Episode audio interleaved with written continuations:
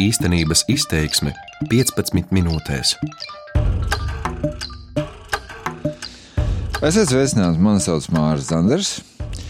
Un šodien mēģināšu salikt kopā divas lietas. Viena, kas ir tāda aktuāla, proti, gaidāmās jau nākamā mēneša Eiropas parlamenta vēlēšanas, ar, protams, savu iecienīto vēstures tēmu. Proti, eh, maijā gaidāmās Eiropas parlamenta vēlēšanas pašsaprotam nozīmē daudz diskusiju par tādiem jēdzieniem kā Eiropas vērtības, Eiropas tradīcijas un tā tālāk. Un tas savukārt tikpat prognozējami nozīmē ne tikai Latvijā, bet vispār nu, visā Eiropas Savienībā, kur šīs vēlēšanas notiks un gatavošanās tām. Tas nozīmē vēl aktīvāku turpināšanu starp Eiropiešiem par to, kurš ir īstāks Eiropietis. Un šis turpināšanas saturs ir jau faktiski labi zināms.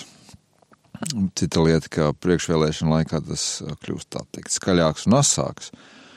Proti, vismaz liela daļa Rietumē Eiropas politiķu saka, ka Austrumēropieši ir izrādījušies ksenofobi un vispār ar simpātijām pret stingro roku.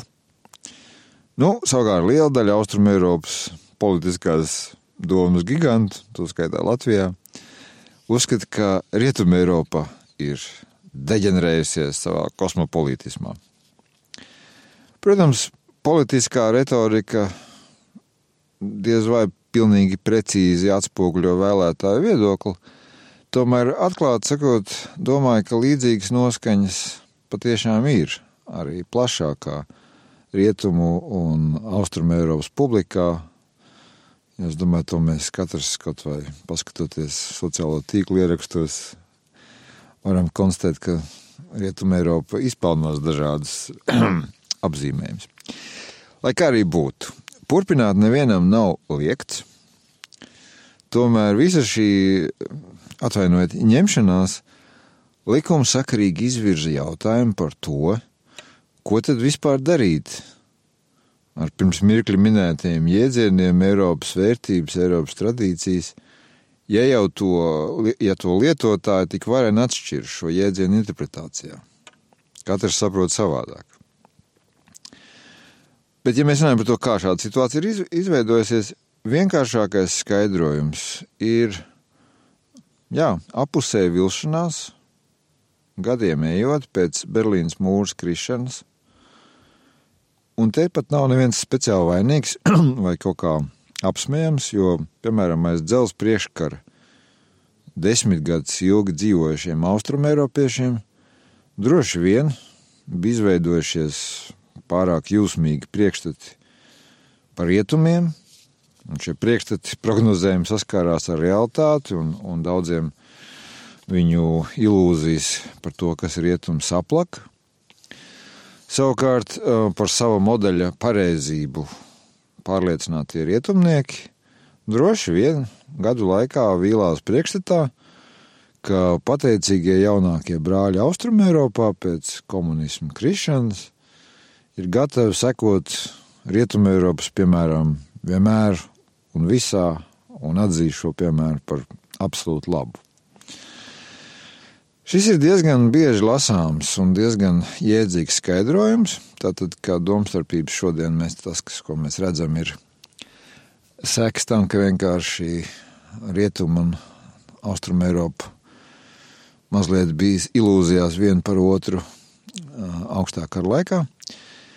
Bet tomēr man šis skaidrojums īsti arī neapmierina, jo principā tas visas šīs šodienas domstarpības un dažādos viedokļus nu, reducē uz augsto karu periodu, uz augstā kara sekām.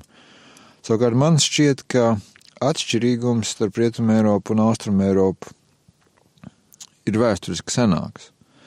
Te, protams, gan uzreiz jāsaka, tā var sapīties terminoloģijā - Austruma Eiropa, Centrāla Eiropa, Dienvidu Eiropa un tā joprojām, bet nu paliksim pie Austruma Eiropas.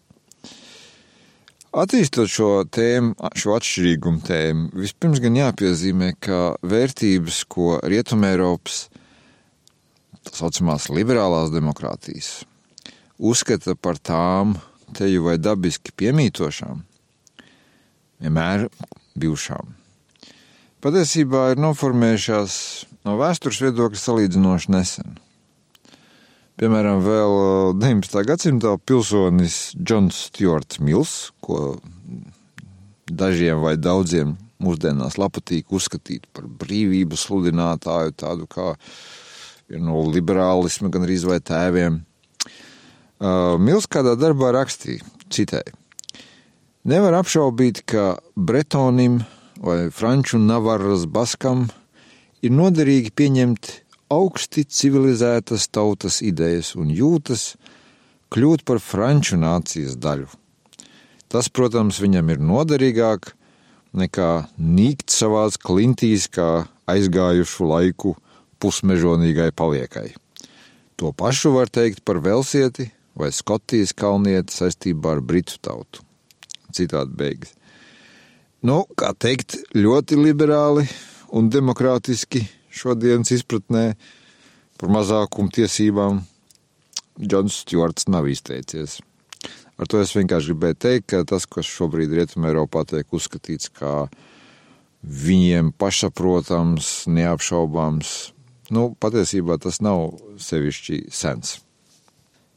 Ja paveramies tagad uz Austrumēropu, starpkara periodā, respektīvi vēl pirms visādiem Varšavas blokiem un dzelzceļa aizkariem, tad mēs redzam daudz piemēru šai Austrumēropas īpatnībai. Piemēram, Polijas politiskā un intelektuālā elite arī starpkara periodā uzskatīja, ka viņu valstī, Polijai, ir īpaša vieta Eiropā. Un tāda intelektuālā daudzīšanās notika starp ambīcijām atjaunot kaut ko līdzvērtīgu Polijas-Lietuvas savienībai, tā saucamais intermārium koncepts, un ambīcijām palīdzēt atbrīvoties no bolševisma jūga arī tautām padomu Krievijas teritorijā. Tā saucamais promoteisma koncepts. Poļi jutās īpaši arī starpkara periodā. Viens no izteiksmīgiem darbiem par šīs citas Eiropas īpatnībām ir Džozefa Rothschilda valstis vidus Eiropas austrumos starp diviem pasaules kariem, Un te es izvēlējos citātu par Rumāniju, kas arī, ja mēs palasām rietumu presi, tad kā šodien nevar saprast, tā ir Eiropa vai nav, jeb kaut kāda ļoti nepareiza Eiropa. Tātad citāts par Rumāniju. Lai arī Rumāņu sabiedrībā pastāvēja nesaskaņas, tā bija dziļi vienota ticībā, ka ir kaut kas īpašs. Būdama vienīgā latīņa nācija, ar pareizticības tradīcijām, rumāņi vienlaikus bija gan saistīti ar saviem kaimiņiem, gan atrauti no tiem. Viņu latīņu etniskā un lingvistiskā izcelsme šķīra rumāņus no slāviem un ungāriem, piesaistot rietumiem, bet pareizticība zināmā mērā atdalīja viņus no rietumiem un ungāriem, piesaistot kaimiņos dzīvojušiem slāviem.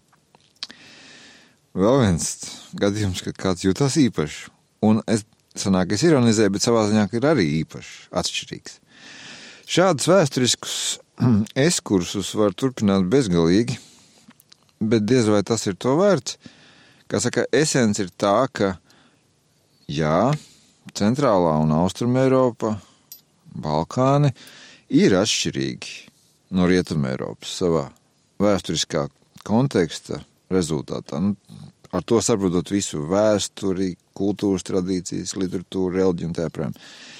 Bet jēdziens atšķirīgums nenozīmē kaut kādā ziņā atpalicību, neatbilstību kaut kādām pareizām, nu, pareizes šeit liek pēdiņās, pareizām normām un vērtībām. Nē, vienkārši ir atšķirīgums. Un es varu iedomāties, ka te likumsakarīgi var rasties vēlme šo visu dzirdot, sākt skumji šūpot galvu un teikt, ka nu, tad jau tādas Eiropas vispār nav. Ka tā ir nu, tāda teorētiska konstrukcija un ne vairāk. Savukārt man šķiet, ka šādā attieksmē vai šādā jautājuma uzstādījumā ir kaut kas kļūmīgs pašos pamatos. Respektīvi, ka tas jautājums ir kā tā, nav, nav, nav pareizi. Iedomāsimies antīkās Romas laikus, ko taču nu, cik es saprotu, uzskata par Eiropas civilizācijas vienu no stūrakmeņiem. Ja neskaita kopīgo, kāds, protams, bija, tad vai tiešām mēs uzskatām, ka Romas impērija, teiksim, pašreizējās Lielbritānijas teritorijā, vienā un tajā pašā laikā bija pilnīgi identiska Romas impērijai, teiksim, pašreizējās Turcijas teritorijā? Kaut vai jebkur izvēlamies gadu. Skaidrs, ka nebija identiska. Labi, šis piemērs var kādam nepatikt, jo nu, tur Eiropas Savienība vai Eiropa salīdzina ar Romu, ar impēriju un tā. Okay. Par spīti kristietībai kā ļoti spēcīgam vienojošam faktoram. Skaidrs, ka 13. gadsimta īrija un 13. gadsimta Dienvidu Itālija stipri atšķīrās.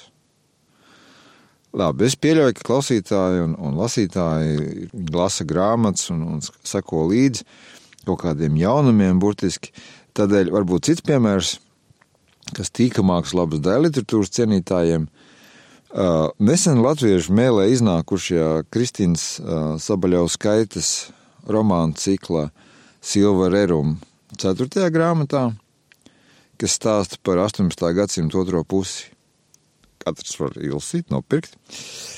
Lietuvas Diškūni Gaitija un Londona, jo tās abas šeit ir šajā romānā, Abas ir Eiropa, bet, protams, ka tās ir atšķirīgas.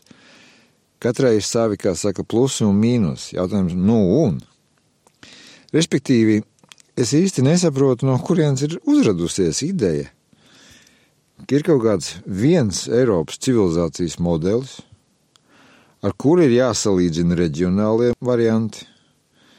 Un, ja tas salīdzinājums īsti gluds nesanāk, tad ir jāpasludina, ka nav vispār tādas Eiropas, ka viss gals klāt un tā joprojām. Lai piedod mani draugi un paziņas kristieši par šo piemēru, bet stīvēšanās ap īstās, liekot īsto atkal pēdiņās, stīvēšanās ap īstās Eiropas jēdzienu ir līdzvērtīgi strīdam, kur ir īstāki atkal pēdiņās kristieši, katoļi vai protestanti, vai varbūt pareizticīgie. Tādi strīdi ir bezjēdzīgi. Nav pareizās un nav nepareizās Eiropas. Saprotiet, pareizi, es te nesludinu relatīvismu žanrā, Nu, lai tad katrs īsteno tādu Eiropu, kādu grib, un visiem pārējiem mute jātur ciet. Nē, nosacītiem Rietumē Eiropas liberāļiem ir visas tiesības pikti izrunāties par Austrum Eiropas nacionālistiem un otrādi, un vislabāk, ja paralēli savu simpātiju un antipātiju demonstrēšanai notiek arī kompromisu meklēšana.